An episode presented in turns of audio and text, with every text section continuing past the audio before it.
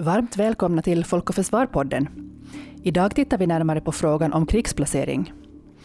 Svenskt totalförsvar ska stärkas. Detta har politikerna beslutat om och arbetet pågår nu inom såväl militära som civila myndigheter. Som en del i detta arbete ska en krigsorganisation byggas och denna behöver bemannas. Att bemanna en krigsorganisation kan inte bara göras av yrkesanställda, utan behöver också göras av krafter som till vardags har andra uppgifter i det civila. Det kan handla om reservofficerare eller soldater som övar några gånger per år, till att peka ut en annan specialiserad personal som i händelse av kris eller krig får andra uppgifter än till vardags. En uppgift som är till gagn för totalförsvaret. Detta kallas att krigsplacera. Under hösten har en ny lag trätt i kraft som påverkar detta arbete. Därför pågår nu också en diskussion bland såväl myndigheter, kommuner, regioner och företag om vem som kan och bör krigsplaceras. Det vill säga var personalen bäst krigsplaceras och i vilken omfattning detta arbete ska göras. För att försöka räta ut några frågetecken har vi idag med oss Mattias Johansson, eh, enhetschef för enheten för bemanningsstöd, Jenny Harlin, kanslichef vid reservofficerarnas fackförbund och Jakob Nordfors, som är utredare vid Myndigheten för samhällsskydd och beredskap. Jag heter Karin Abborr-Svensson och arbetar som stabschef vid Folk och Försvar. Du lyssnar på Folk och Försvar-podden. Folk och Försvar bidrar till att Sveriges säkerhet ska vara hela folkets angelägenhet. Jag tänkte börja med att fråga er lite grann kring själva konceptet krigsplacering. Varför har vi krigsplacering och har vi alltid haft det? Mattias Johansson, vill du börja?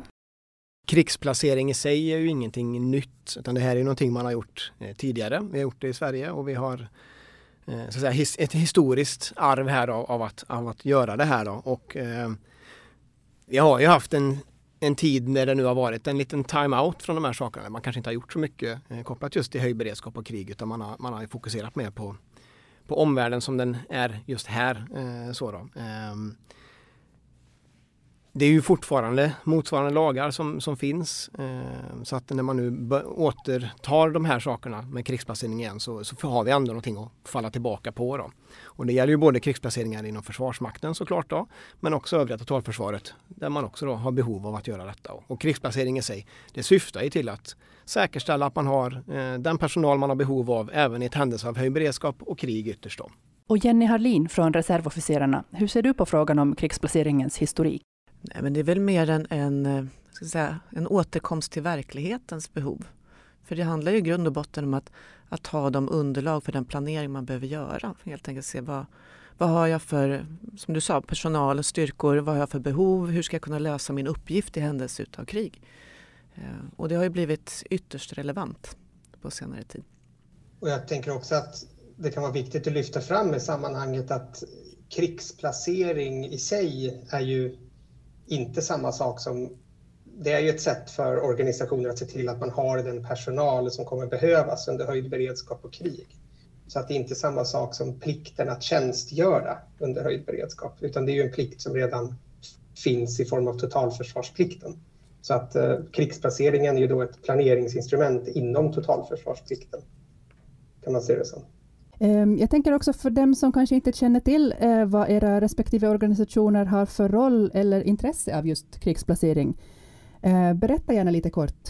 Och eh, vi har ju på Plikt och prövningsverket uppgiften att vi ska föra register över alla krigsplacerade i Sverige. Det är, en av våra uppgifter. Ehm, och det innebär ju att vi ska ha ett register som egentligen berättar var är en individ i anspråkstagen. Ehm, och därmed så har vi ett, ett arbete gentemot alla totalförsvarsaktörer då, som har behov av att krigsplacera personal, eh, ha dem gripbara vid höjd beredskap och krig eh, och föra det här registret. Då.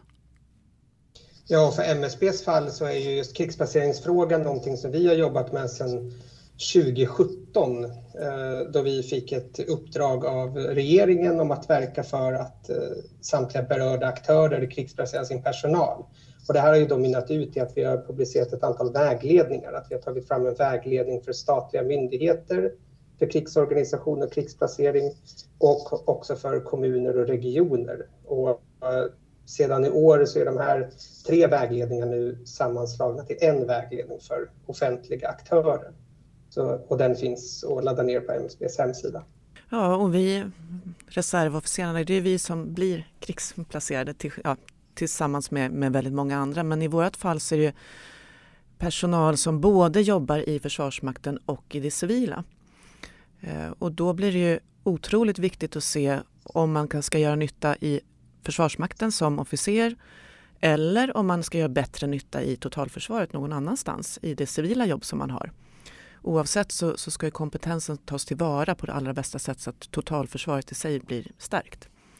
Eh, så att vi är väl ett, våra medlemmar är väl ett, ett superexempel på varför krigsplaceringsfrågan är viktig. Precis, och vi kan ju nämna det historiskt. Det har ju funnits eh, ja, längre tillbaka flera myndigheter som har, som har haft hand om de här sakerna. Det fanns ju eh, Civilförsvarsstyrelsen tidigare som kanske tittade på de delarna och, och Pliktverket. Man slog ihop de här eh, årtalet är lite osäker på just nu då, men man slog ihop de här två myndigheterna till Pliktverket just för att vi skulle ha ett register som visade det aktuella läget. Då. Man ska inte kunna vara placerad på olika ställen utan det är ett ställe man kan vara krigsplacerad på. Och I grund och botten så är det avgörande, man tänker, som ni nämnde tidigare, så är det en planeringsförutsättning för hur totalförsvaret ska funka. Därför att om en individ skulle kunna göra nytta på flera olika ställen i totalförsvaret, det är jättebra. Men i ett krisläge och ett krigsläge så måste man veta exakt var individen ska vara och att den ska kunna övas för just det. Allt annat är ju bonus och, och bra. Och det gäller ju att man, att, återigen, nu kommer vi tillbaka till just det här med krigsplacering. Det handlar ju om att göra detta i ett läge där vi är just nu. Det är, det är så dags att göra det när det väl när, det, ja, när skiten träffar fläkten, då är det liksom för sent. Utan det är nu man lägger det här pusslet, det är nu man reder ut alla eventuella krockar. Det är nu man tittar vart det gör individen störst nytta för totalförsvaret och därmed också ianspråkstar av i den organisationen, myndigheten. Jag tycker man kan dra paralleller till, till eh, pandemin där i början när, när det var väldigt oklart vem hade ansvar för vad och vem skulle tjänstgöra var och allting var kaosartat under ett, ett ganska pressat läge där folk blev ju påverkade också både mentalt och fysiskt av allting som hände. Det här är ett förberedelse inför någonting som kommer vara etter värre. Och det gäller att vara förberedd innan så att man vet var man ska vara och göra bäst nytta. Absolut. Jag tänker också om det är någon som lyssnar på den här podden och Eh, undrar, eh, tänk om jag är krigsplacerad eller kan komma att bli det. Hur, eh, hur ska man resonera där? I grund och botten kan man väl säga att är det så att är du, har du genomfört en grundutbildning med värnplikt, så länge du är inskriven som värnpliktig, så har du ju från, från vår myndighet fått ett, ett, ett krigsplaceringsbeslut att du krigsplacerar i Försvarsmakten. Du kan dessutom ha fått en krigsplaceringsorder. Den ger ytterligare lite detaljer för då är du placerad på en aktuell befattning i ett visst förband. Då. Eh, tittar man på övriga organisationer så är det ju via organisationen själv då man ska meddelas där. Så att till exempel någon då som är i anspråktagna av sin arbetsgivare, då är det arbetsgivaren som ska underrätta eh, individen om att man är krigsplacerad vid den här eh, aktören. Då. Och skulle man vara osäker, då kan man ju alltid kontakta oss för att ta reda på, är jag krigsplacerad? Ehm, så den möjligheten finns ju alltid då. Det är bara att titta på hemsidan och kontakta oss i så fall. Då, så kan vi hjälpa till att reda ut det.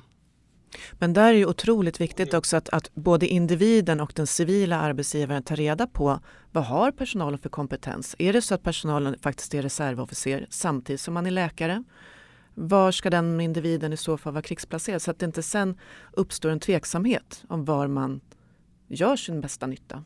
Och också att man är noga med att rapportera det här till Pliktverket så att det inte blir att man tror att man har krigsplacerat sin personal och så har man inte gjort det. Och jag tänker också just när det kommer till den enskilda arbetstagaren. Om det är så att man är krigsplacerad via det som vi kallar krigsplacering via allmän tjänsteplikt, det vill säga att det är ens arbetsgivare som har krigsplacerat en och man ska gå till jobbet som vanligt eh, vid höjd beredskap, så är det viktigt att ha åtanke att till skillnad från värnplikten så innebär det heller ingenting eh, under fredstid, utan det har egentligen ingen på. Det får först konsekvenser när det när regeringen först beslutar om höjd beredskap och allmän tjänsteplikt. Så att eh, så länge det är fred så innebär det i praktiken ingenting för den enskilde. Och om man tittar på vilka typer av organisationer eh, kan eh, krigsplacera sin personal?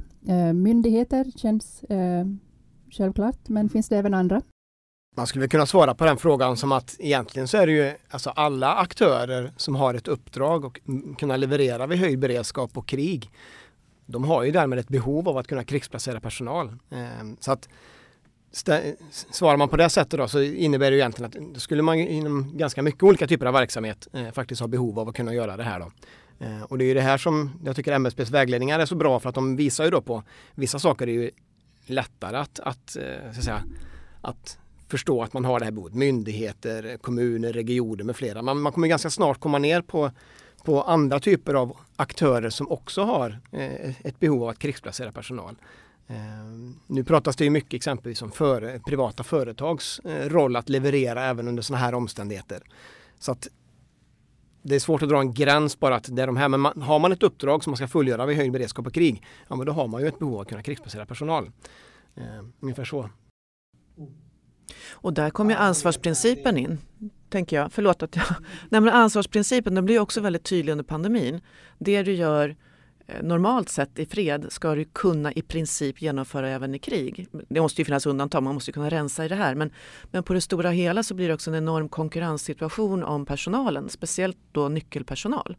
Och då kan man inte komma då när då skiten ramlar ner i fläkten och säga att just nu behöver jag ha person A, B, C, D utan detta måste man tänka igenom innan. Och det bör man verkligen göra på alla nivåer. För att det kan ju visa sig att nyckelkompetensen är det finns för lite, men då måste vi börja tänka på det och utbilda fram kanske fler med redundans för att alla ska kunna... Ja, vi måste ha ett samhälle som funkar även i krig. Nej, jag ville bara instämma med Mattias där att när det kommer till vilka organisationer som kan krigsplaceras så stämmer det ju att det är dels offentliga aktörer som har nämnts men i stort så handlar det om alla aktörer som på något sätt behöver kunna fortsätta bedriva verksamhet under höjd beredskap och som behövs i totalförsvaret. Så det kan ju innefatta både offentliga och privata aktörer. Jo, men tänker att man får tänka vidare än bara försvarssektorn. Alltså det är ju totalförsvaret, det är ju alla, det är ju ja, men vad gör vi med barnomsorgen, vad gör vi med skola, vård, alltså hela allting det här som vi behöver få funka. Precis, och det är ju det som är med det fina med vår lagstiftning och lagen om totalförsvarsplikt som vi har, att, att det finns ju möjlighet att tjänstgöra i tre olika former eh, eh, enligt den lagen. Då. Antingen gör man det som värnpliktig, då har man en militär grundutbildning och har ett inskrivningsbeslut om att man är värnpliktig och fråntas då kanske det man normalt sett gör för att gå in och tjänstgöra i Försvarsmakten. Sen har vi ju en, en vilande delen av totalförsvarsplikten just nu, det vill säga civilplikten. Den är ju tänkt som samma sak då, att antingen då eh, via en grundutbildning vara inskriven som civilpliktig och, och, och, därmed då gå någon annanstans och verka i ett sånt här läge. Men skulle ju också kunna vara inskriven utifrån vilken kompetens man har. Då. Men den här är ju vilande idag, civilplikten, även om man tittar på att hur ska man kunna återaktivera den här delen då. Men sen är det ju, eh, som vi var inne på, den allmänna tjänsteplikten. Det är väldigt mycket andra verksamheter då eh, inom totalförsvaret träffas. Eh, där man så att säga har för, ja, där man ska tjänstgöra i, i den verksamhet man normalt sett eh, gör. Eh, så då. Mm. Och eh, ni har lite grann varit inne på det här med dubbla eh, krigsplaceringar. Det tänkte jag också eh, ta upp lite. Dels att man kanske är med i någon frivillig organisation, till exempel Hemvärnet eller liknande, men också jobbar på en myndighet, kanske polis, räddningstjänst, sjukhuspersonal och liknande.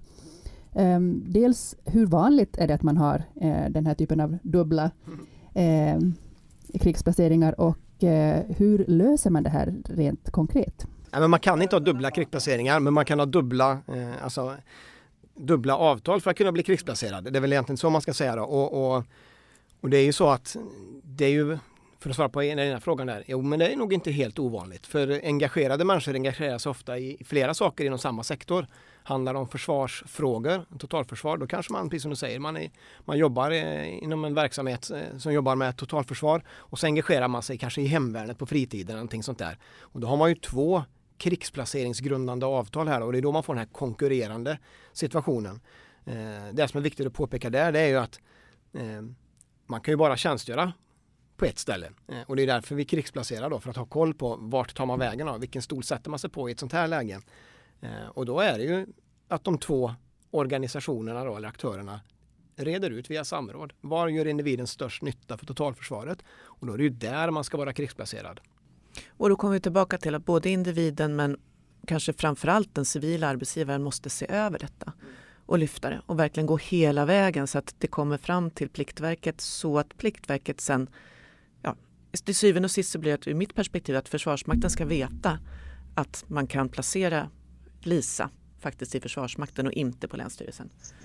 Det här var ju också betydligt vanligare i det gamla totalförsvaret att det fanns de här konflikterna som kunde uppstå att en person det var två organisationer som ville då ha samma personer krigsplacerade när det var betydligt fler som var krigsplacerade inom Försvarsmakten. Men man kan ju tänka sig att det kommer, den här problematiken eller det här fenomenet kommer att öka i förekomst även framöver.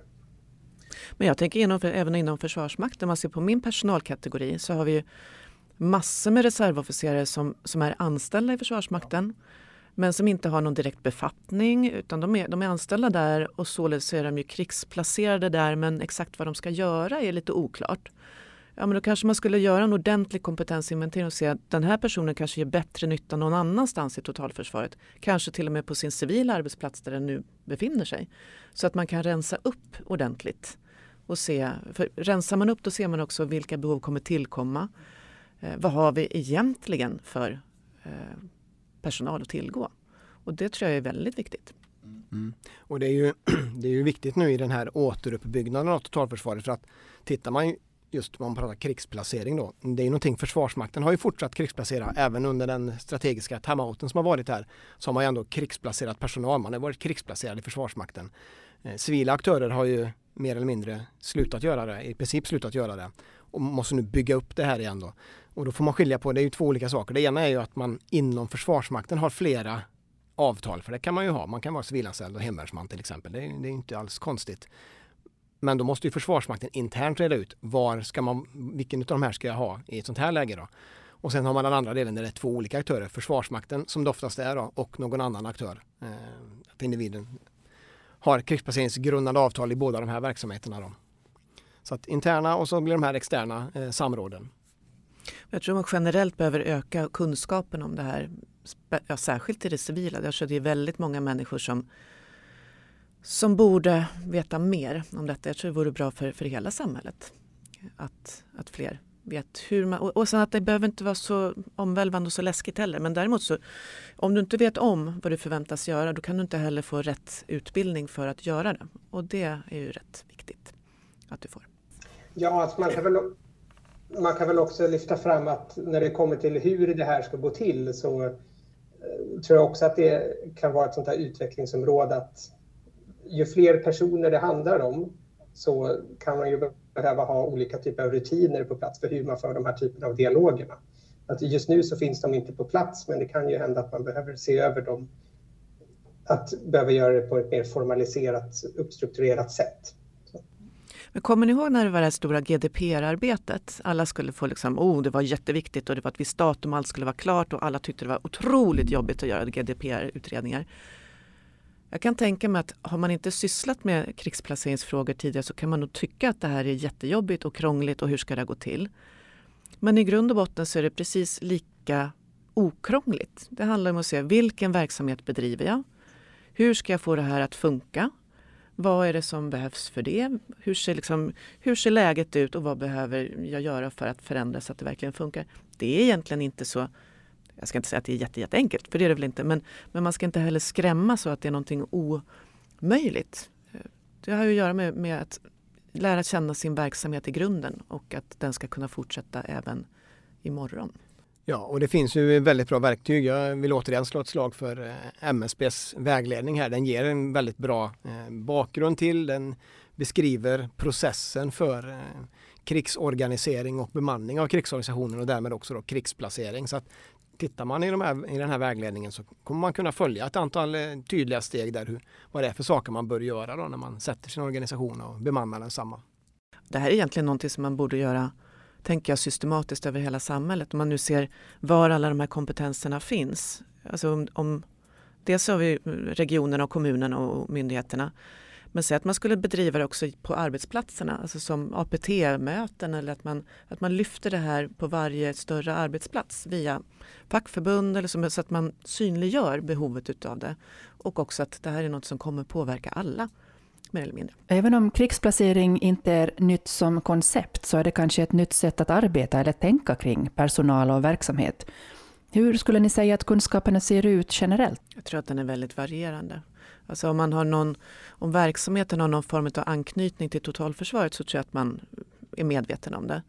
Men om man lever i tron att verksamheten inte har en anknytning till totalförsvaret så ser man nog inte varför man behöver beröras av, av detta. Men totalförsvaret är ju samhället, det är ju allt.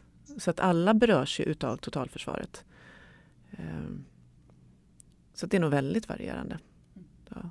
Och sen så tror jag också att det finns en skillnad på att göra det på pappret och att göra det i verkligheten. Bara som en sån som jag utmärkta vägledningar från MSB att det står ju liksom listor på vad man ska tänka på, hur man ska göra i praktiken och så. Och också det här med att, att se till att man årligen minst ser över sin personal. Ja men det är väl ganska vettigt. Folk byter jobb och de gör med något annat. Då måste man ju se över personalen. Hur många har gjort det? Och att öva människor för de uppgifter som de förväntas göra. Det hoppas jag verkligen att man gör men jag tror inte att man gör det på särskilt många ställen. Så det är nog väldigt varierande och det kan nog förbättras på många plan. Och tänker ni på Pliktupplöringsverket? Eh, får ni in eh, mycket frågor och jo. vad får ni för typ av frågor? Ja, men det, det är högt och lågt och vitt och brett såklart. Och mycket handlar ju om att, att det är en kunskap som, som har lite grann hamnat i skymundan under ett stort antal år och nu så tar man tillbaka kunskapen. Så att, så att eh, jag håller med om att det varierar. Så är det. Det finns många verksamheter där man har väldigt god kunskap om Eh, hur det fungerar och, och, hur man kan göra och så men det handlar ju om en kompetensuppbyggnad om man ska titta generellt sett att man behöver liksom bygga upp kompetensen. Eh, sen är det ju också så att det omvärldsläge vi befinner oss i just nu och det säkerhetspolitiska läget som råder det gör ju att fler engagerar sig i de här frågorna och det har ju många av oss myndigheter märkt av eh, nu såklart efter krigsutbrottet i Ukraina att det, att det kommer väldigt mycket frågor kring hur, hur hur funkar det nu då? Vad, hur funkar det i Sverige om det, kriget kommer hit? Och, och alla de där sakerna, när det liksom ställs lite mer på sin spets på det sättet och blir lite nära, då blir man ju mer engagerad och, och um, kunskapsuppbyggnad eh, och folkbildning, det tar ju tid såklart. Det är många som har ett, ett viktigt ansvar här då, och det, man får ju liksom ta några steg i taget hela tiden så då, men, men det är ju bättre att, att faktiskt göra åtgärder än att, än att luta sig tillbaka och vänta på att någon ska berätta hur jag ska göra. Då kan man börja göra saker. Man kan börja titta på det som finns och så börjar vi där och så bygger vi kunskap allt eftersom här eh, framgent. Det är väl där kanske den framförhållningen eller den framtoningen man ska ha då. Ja, jag skulle också säga att det givetvis så varierar ju, precis som har sagts, mellan olika typer av organisationer när det kommer till kunskaps och erfarenhetsnivå. Men självklart beroende på hur, hur pass nära man har arbetat med den här typen av frågor nu, historiskt. Eh, men jag skulle säga att just krigs placeringsfrågan, det bakomliggande arbetet som ligger bakom, nämligen att ta fram en krigsorganisation och komma fram till den här frågan, vilka behöver man krigsplacera? Det är ju inte en lätt uppgift. Att, att kunna komma fram till vad är det för verksamheter som vi behöver kunna upprätthålla under höjd beredskap och vilka verksamheter behöver vi inte kunna upprätthålla och hur skapar vi en organisation utifrån det? Det är ju absolut någonting som, som tar tid och som byggs successivt. Så det är ju inga lätta frågor, men det är någonting som man... Det är därför man behöver arbeta med dem. Nej, precis och jag håller med där, för det är också, det handlar ju, det blir ju, det kommer ju handla om prioriteringar. Det är det det kommer göra och prioriteringar, det jobbiga med det, det är att då måste man välja bort saker. Det är inte bara att lyfta upp någonting som är viktigt, man måste ju välja bort saker som kanske inte i ett sånt här läge är lika viktigt. Och det är ju, kommer ju aldrig vara någon eh, annan aktör som kunde peka på, på, på våran verksamhet och berätta vad vi vad vi ska ha för, eh, liksom, eh, upprätthålla för, för kompetens i ett sånt här läge utan varje aktör måste titta inåt och titta på vad ska vi leverera? Vad behöver vi för att kunna leverera det här? Och så bygga organisationen för det och i slutändan bemanna densamma då, så, eh, så småningom. Och det är där som det blir ett, ett intresse, en intressekonflikt när alla dessa organisationer med jätteviktig verksamhet ska slåss om samma personal. Och hur ser det här ut rent konkret? Finns det samarbetsformer eller tar man inspiration av varandra? Eller är det kanske var och en för sig? Man ska väl börja gå in på MSBs utmärkta manual, alltså de är jättebra. Eh, och jag som aldrig har gjort någon sån organisation, jag tycker att det, alltså det är väldigt hands-on ändå. Eh, väldigt verklighetsanknutet. Och det, det måste väl ha människor där som kan hjälpa till? Ja, och nu har vi också, vi, det har ju nämnts de här vägledningarna vi har för krigsorganisation och krigsplacering, men vi har också sena, tidigare år så kom vi ut med en vägledning om planering för försörjning av varor och tjänster exempelvis, som riktar sig till statliga myndigheter. Och det är då en vägledning om hur då statliga myndigheter ska kunna definiera vad det finns för försörjningsbehov, vad man har för behov av olika typer av varor och tjänster och hur man då ska ta kontakt och skriva avtal exempelvis med privata eh, aktörer och identifiera vilka privata aktörer som är relevanta att, att involvera i sin totalförsvarsplanering. Så jag tror att det, det här blir också ett system som blir tydligare i det här nya systemet som nu finns på plats den 1 oktober med beredskapssektorer. Att det är, vi har nu på ett tydligare sätt än tidigare utpekade myndigheter som ska ansvara för beredskapsplaneringen och planeringen för totalförsvaret inom olika beredskapssektorer, olika delar av samhället. Och krigsplacering och identifiering av vilka aktörer som behöver krigsplacera är ju en central komponent i det. Men eh, en, om, man, om man nu bor i en liten, liten ort, för allting har att göra också med var man bor, hur många människor är runt omkring, var i landet är det, bor jag nära någonting som är ja, väldigt viktig infrastruktur. Alltså, det finns så otroligt många parametrar som, som påverkar. Så att jag jobbar inom någon privat sektor men i en liten ort. Ska jag gå omkring och vänta då på att myndigheterna ska komma till mig och, och nu får du sätta igång och tänka eller ska jag börja tänka själv? Alltså hur mycket ska man vänta in någon annan som ska säga till mig att nu är det dags för dig att ta ditt ansvar i krigsplaceringen? Ja, vi arbetar nu med olika typer av informationssatsningar till näringslivet. Eh, lite liknande den här kampanjen som gjordes för några år sedan med om krisen eller kriget kommer som vi då riktade sig till privatpersoner. Och nu jobbar vi på att göra liknande informationskampanjer då kopplat till näringslivet just för att eh, plantera den här typen av frågor, att man börjar tänka i de här banorna. Att det här är någonting som skulle kunna inträffa och det är viktigt att man börjar fundera på, kan jag då ha en roll i totalförsvaret och på vilket sätt, vad behöver jag göra för att min verksamhet ska kunna fortsätta fungera Eh, under sådana omständigheter? Så att det är absolut någonting som eh, företag redan idag kan börja arbeta med. Sen så är den här frågan om huruvida man ska krigsplacera personal kanske då är någonting som ligger lite längre fram. Men att börja fundera och resonera kring beredskapsfrågor är ju en angelägenhet för, för hela samhället. Mm. Och jag tänker ibland så hör man ju om arbetsgivare som har krigsplacerat hela sin personal. Eh, vad säger ni om det? Är det en bra väg framåt? Finns det för och nackdelar med det här? Det måste väl bero på vilken verksamhet man bedriver men, men risken finns väl förstås att om du krigsplacerar all personal kanske det finns någon som skulle göra nytta någon annanstans. Alltså vi är inte så hemskt många i det här landet. Eh, och om vi ska dubbla roller i en krigsorganisation så man måste ju välja till slut. Man kanske inte kan tro att man kan ta alla. Man kanske får bjuda lite till de andra också. Jag skulle säga att det blir lite avhängigt på vad det är för analys som ligger bakom. Att om man ser det på det här sättet att först så arbetar man då med att ta fram en krigsorganisation och analysera vad, man, vad det är för verksamhet som man ska bedriva under höjd beredskap.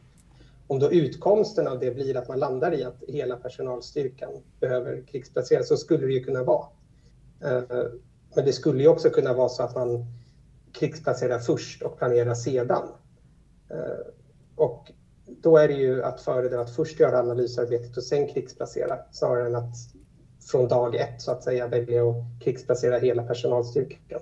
Och sen, är, och sen är, jag håller helt med där. Och sen är det också så att det, ett register är ju aldrig bättre än, än här, idag. Imorgon så börjar det bli sämre. Man måste ju registervårda det här. Och det är väldigt viktigt att jobba med det här kontinuerligt. Då, och, och den analys man gör idag, den kan ju såklart ändra på sig allt eftersom. Då, så att, att, dessutom personal byter ju arbetsgivare och sådana saker. Så att man måste hela tiden arbeta med det och det har vi ju då exempelvis när man registrerar personal hos Pliktverket så skriver vi en överenskommelse att vi dessutom kommer göra så att vi kommer uppdatera det här med jämna mellanrum för att ha det så uppdaterat som möjligt och, och, ha så rätt bild som möjligt av vilken personal det är som är i anspråkstagen. Sen tänker jag också ur ett civilt perspektiv så är det ett visst ja, om man har en sån verksamhet som är så otroligt fylld av nyckelpersoner att ingen kan släppas, då har man ett problem.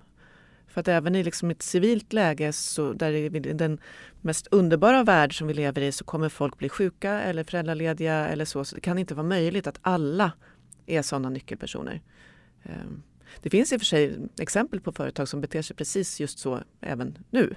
Men då får man nog tänka lite mer att, att säkra upp sin produktion. Så att det måste vara lite redundans i systemen för att det inte ska vara för sårbart. Mm. Och jag tänker lite kopplat till det, finns det um, missuppfattningar eller felaktig information som, som cirkulerar kring krigsplacering som nu när ni har chansen i den här podden att uh, rätta till? Um. Ja, men från våran horisont kan man ju åtminstone trycka på det att Eh, Eh, det finns ingen överordnad instans som avgör vart en individ ska vara krigsplacerad utan det avgör två aktörer genom ett samråd sinsemellan där man tittar på vad gör individen störst nytta för totalförsvaret och då är det där man ska vara krigsplacerad. Eh, så en vanlig missuppfattning är att Pliktverket avgör vart man ska vara krigsplacerad. Nej, det gör vi inte, men vi registrerar eh, det som man har kommit överens om i ett samråd då, i så fall. Ja, en vanlig missuppfattning är ju det här med att man tänker inte på att det finns den här bakomliggande plikten. Att jag tror att det är ganska vanligt att man tänker att krigsplacering, att det är ett likhetstecken mellan krigsplacering och en skyldighet att tjänstgöra i totalförsvaret under höjd beredskap. Men en krigsplacering innebär ju egentligen bara att man har en på förhand specificerad plikt så att säga. Att du vet innan regeringen har beslutat om höjd beredskap att du ska infinna dig på den här platsen och utföra det här arbetet. Men plikten att tjänstgöra under höjd beredskap, den finns ju redan oavsett om man är krigsplacerad eller inte. I och med att vi har den här, den här totalförsvarsplikten som då riktar sig till alla i Sverige mellan 16 och 70. Så att det är väl att krigsplacering är inte samma sak som en plikt att eh, tjänstgöra. Det innebär en tjänst att pliktgöra men även folk som inte eh, är krigsplacerade omfattas av totalförsvarsplikten. Eh, jag vet inte om det är en missuppfattning men ibland så kan jag tycka att det är en, en, en, en inställning om att det här med totalförsvar, det får någon annan pyssla med för jag betalar ju skatt. Alltså att det är någon, någon annan som ska göra det. Men den där någon annan, den, den, är, den är vi. Så att på något sätt så, så omfattas ju alla mer eller mindre. Och, och det är väl lätt att tänka när, det, när man tror att det inte behövs så är det lätt att tro att jag inte omfattas. Men vi omfattas allihopa. Och jag tänker också på, kan eh, krigsplacering bli en facklig fråga? Eh, vad har fackförbunden för roll när det kommer till det här? Jag skulle vilja säga att man har väl en, en roll att informera och diskutera, att man tar upp det tidigt i en, i en diskussion. Alltså lagen om medbestämmanderätt på, på arbetsplatsen. Så att det är viktigt. Och samtidigt så är det som, som sades tidigare att det här handlar om var i totalförsvaret man gör bäst nytta. Och det är en form av överordnad diskussion.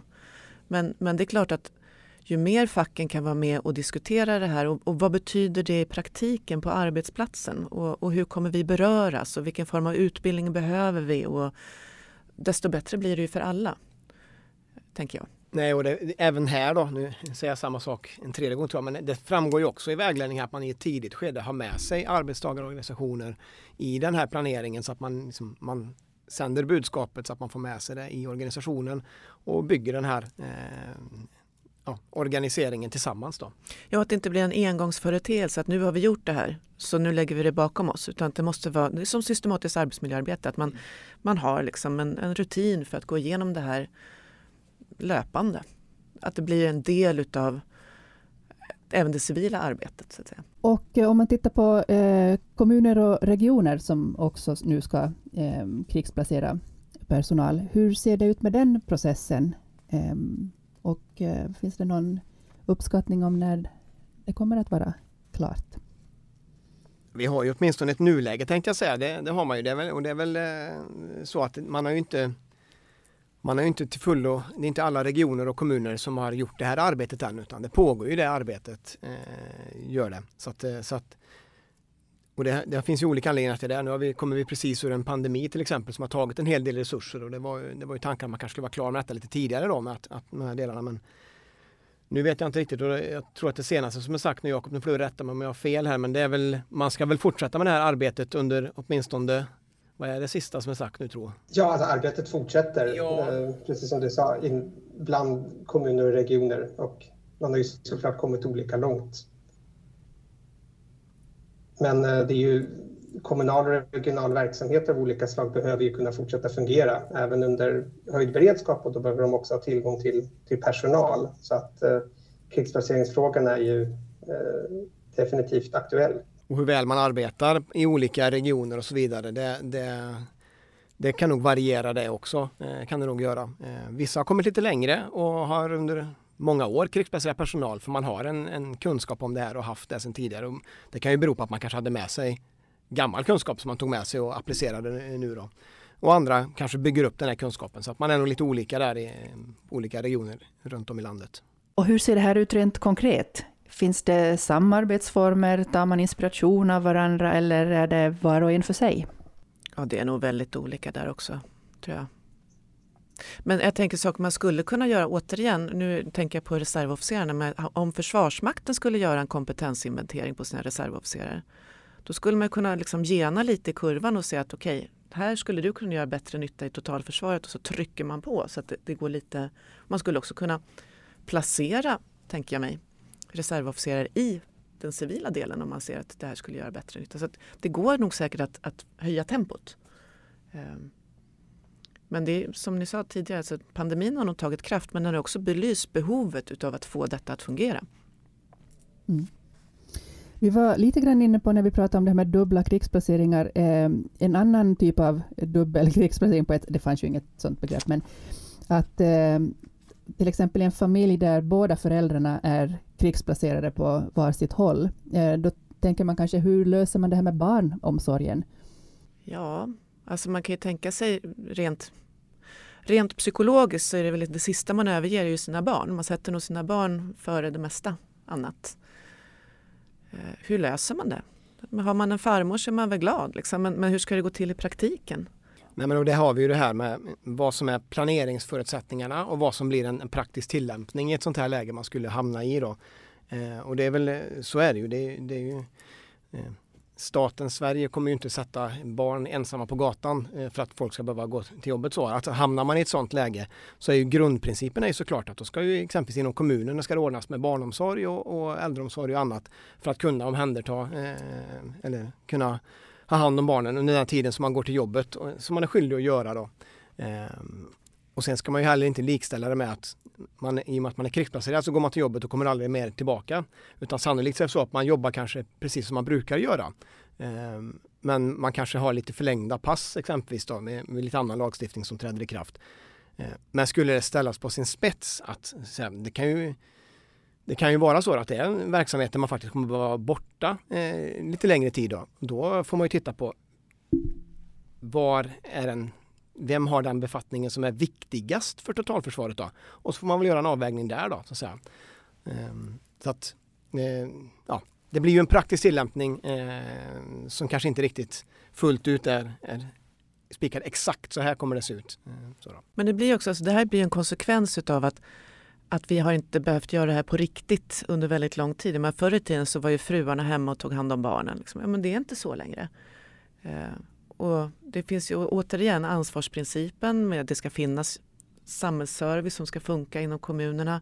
Viss del kanske inte är så, så, så viktig i en händelse av höjd beredskap men en annan är det. Exempelvis barnomsorg då för att det ska funka. Och det är väl otroligt viktigt att man tänker igenom det här innan. Så att man inte står där sen och behöver prioritera bort två viktiga eller tre viktiga funktioner. Ja, barn, ni har ju varit inne på det, men barnomsorg är ju just en sån där väldigt central samhällsfunktion som måste kunna fungera under höjd beredskap. Och det här blir då ett tydligt exempel på varför.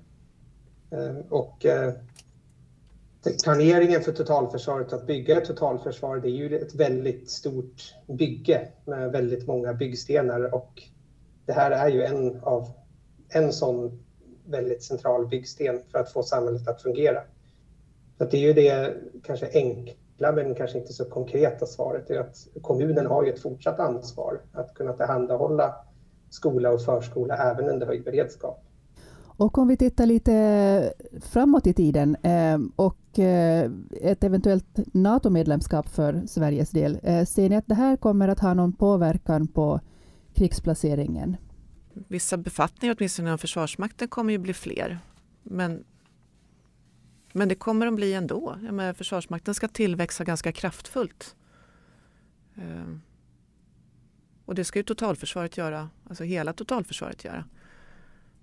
Så jag vet inte om det är själva NATO-medlemskapet som påverkar. Det är väl mer att, att fler människor behöver vara med och hjälpa till. Ja, jag håller med. Det hur krigsplaceringar görs och vad en krigsplacering innebär eh, förändras ju inte av ett NATO-medlemskap. Eh, sen så kan det ju såklart ha eh, inverkan på var krigsplaceringar sker, hur många som krigsplaceras. Men som Jenny var inne på här, det kanske är sånt som skulle ha hänt ändå. Och om ni får spekulera lite fritt eller filosofera fritt, är, är det någonting kring just den här krigsplaceringsfrågan utöver kunskap och information som behöver antingen ändras eller uppdateras eller tydliggöras? Och eh, hur ska det här liksom se ut? Finns det nya samarbetsformer eller forum eh, som behöver komma till? Eller är det just det här som jag var inne på, det här jobbet och analysen som behöver göras mera grundligt? Jag tror att man både behöver informera mer och jag tror att de civila arbetsgivarna behöver göra det i praktiken. Och även Försvarsmakten behöver göra det, åtminstone när det gäller reservofficerare, i praktiken. Eh, och jag tror att man behöver få det som en del av det ordinarie arbetet, att man ser över det årligen minst och att man också utbildar folk i de roller som de då ska förväntas ha. Så att det blir en, en mer aktiv och relevant del utav arbetslivet. Att det, det är en del utav det och inte bara något som finns på papper. Nej men att eh, vi, vi är ju inne lite grann på att, att få det här som en, det blir en naturlig del i, i det arbete man bedriver. Precis som man bedriver annan personaltjänst på, på en arbetsgivare så får man titta över även de här sakerna. Och vad är det för verksamhet vi ska leverera? I vilka lägen ska vi leverera det? Och kommer vi fortsätta göra det även i ett läge av höjd beredskap och krig? Och liksom sätta den organisationen och se över bemanning och så vidare. Det blir en naturlig del i, i vårt arbete. Den är nog väldigt viktig att ha med sig. att det inte blir någonting man gör en gång och så är det klart sen. Nej, utan det här är någonting man kommer behöva arbeta med. Eh, om och om igen så att säga. Jag instämmer helt. Det är ett löpande arbete som behöver bedrivas över tid och successivt ses över.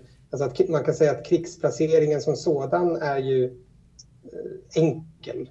Eh, men det bakomliggande arbetet som leder fram till att man får en ändamålsenlig krigsplacering är ju det svåra. Och eh, det är där mycket resurser behöver läggas. Och avslutningsvis tänkte jag fråga er också, hur ser ni att eh, arbetet i era respektive organisationer kommer att se ut framöver? Eh, vad kommer ni att fokusera på gällande just krigsplaceringar? Ja, alltså från, från vår sida så är ju säga, vi har gjort detta förut, vi har aldrig slutat göra det. Vi har gjort det i kanske lite mindre mängd och nu så skalar vi upp det igen. Så att, så att eh, det är inget nytt på det sättet. Däremot så har vi en, en ny omvärld där vi har eh, där vi behöver tillämpa det här på. Det är väl kanske det som är den viktigaste, att vi behöver fortsätta arbeta med processer för, för hur det här hanteras. Eh, på vilket sätt informerar man om det och, och med vilka systemstöd gör man det och sådana saker. Så att det handlar om att förvalta det vi har då, att tillämpa det med, med den nutid som är just nu. Då. Ja, alltså jag tror det arbete vi redan bedriver idag, att det kommer ju såklart behöva fortsätta. Att fler och fler personer kommer ju nog att krigsplaceras och det här kommer ju behöva leda till olika typer av behov av kommunikationsinsatser från vår sida med att nå ut med information om vad totalförsvars är och vad totalförsvarsplikt innebär och vad det innebär att vara krigsplacerad. Så att det är nog ett, det är ett arbete vi redan bedriver idag, men det, eh, vi kommer nog behöva bedriva det i ännu större omfattning framöver. Och även i det här nya beredskapssystemet vi har med sektorsansvariga myndigheter. Det kommer ju också leda till att eh, det blir en ökad tydlighet i det här bakomliggande arbetet, att kunna definiera vad är det för typer av verksamheter som behöver kunna fungera under höjd beredskap? Vilka aktörer rör det sig om? Och det är ju det här bakomliggande analysarbetet som så småningom leder fram till svar på den här frågan, vilka behöver krigsplacera? Och reservofficerarna, hur kommer ni att fortsätta jobba med krigsplaceringsfrågan? Alltså dels så kommer vi uppmana våra medlemmar att, att ta upp frågan på sina civila arbetsplatser eh, i alla de nivåer som finns. Men sen så vill vi också att Försvarsmakten gör en ordentlig kompetensinventering utav reservofficerskåren för att se var kan de här personerna lämpligast placeras så att rätt person är på rätt plats. Så att man inte har, visserligen har man en person men med fel kompetens för den uppgift som ska göras. Hellre då att personen placeras någon annanstans i totalförsvaret och kan verkligen bidra med sin kompetens. Så att kompetensinventering och informationskampanjer, det är vad vi kommer försöka få fram. Stort tack för att ni har medverkat i podden om krigsplacering och varmt lycka till framöver. Du har lyssnat på Folk och Försvar-podden. Podden är skapad av Karin Abborg Svensson. För att ta del av mer av vår verksamhet, besök vår hemsida www.folkochforsvar.se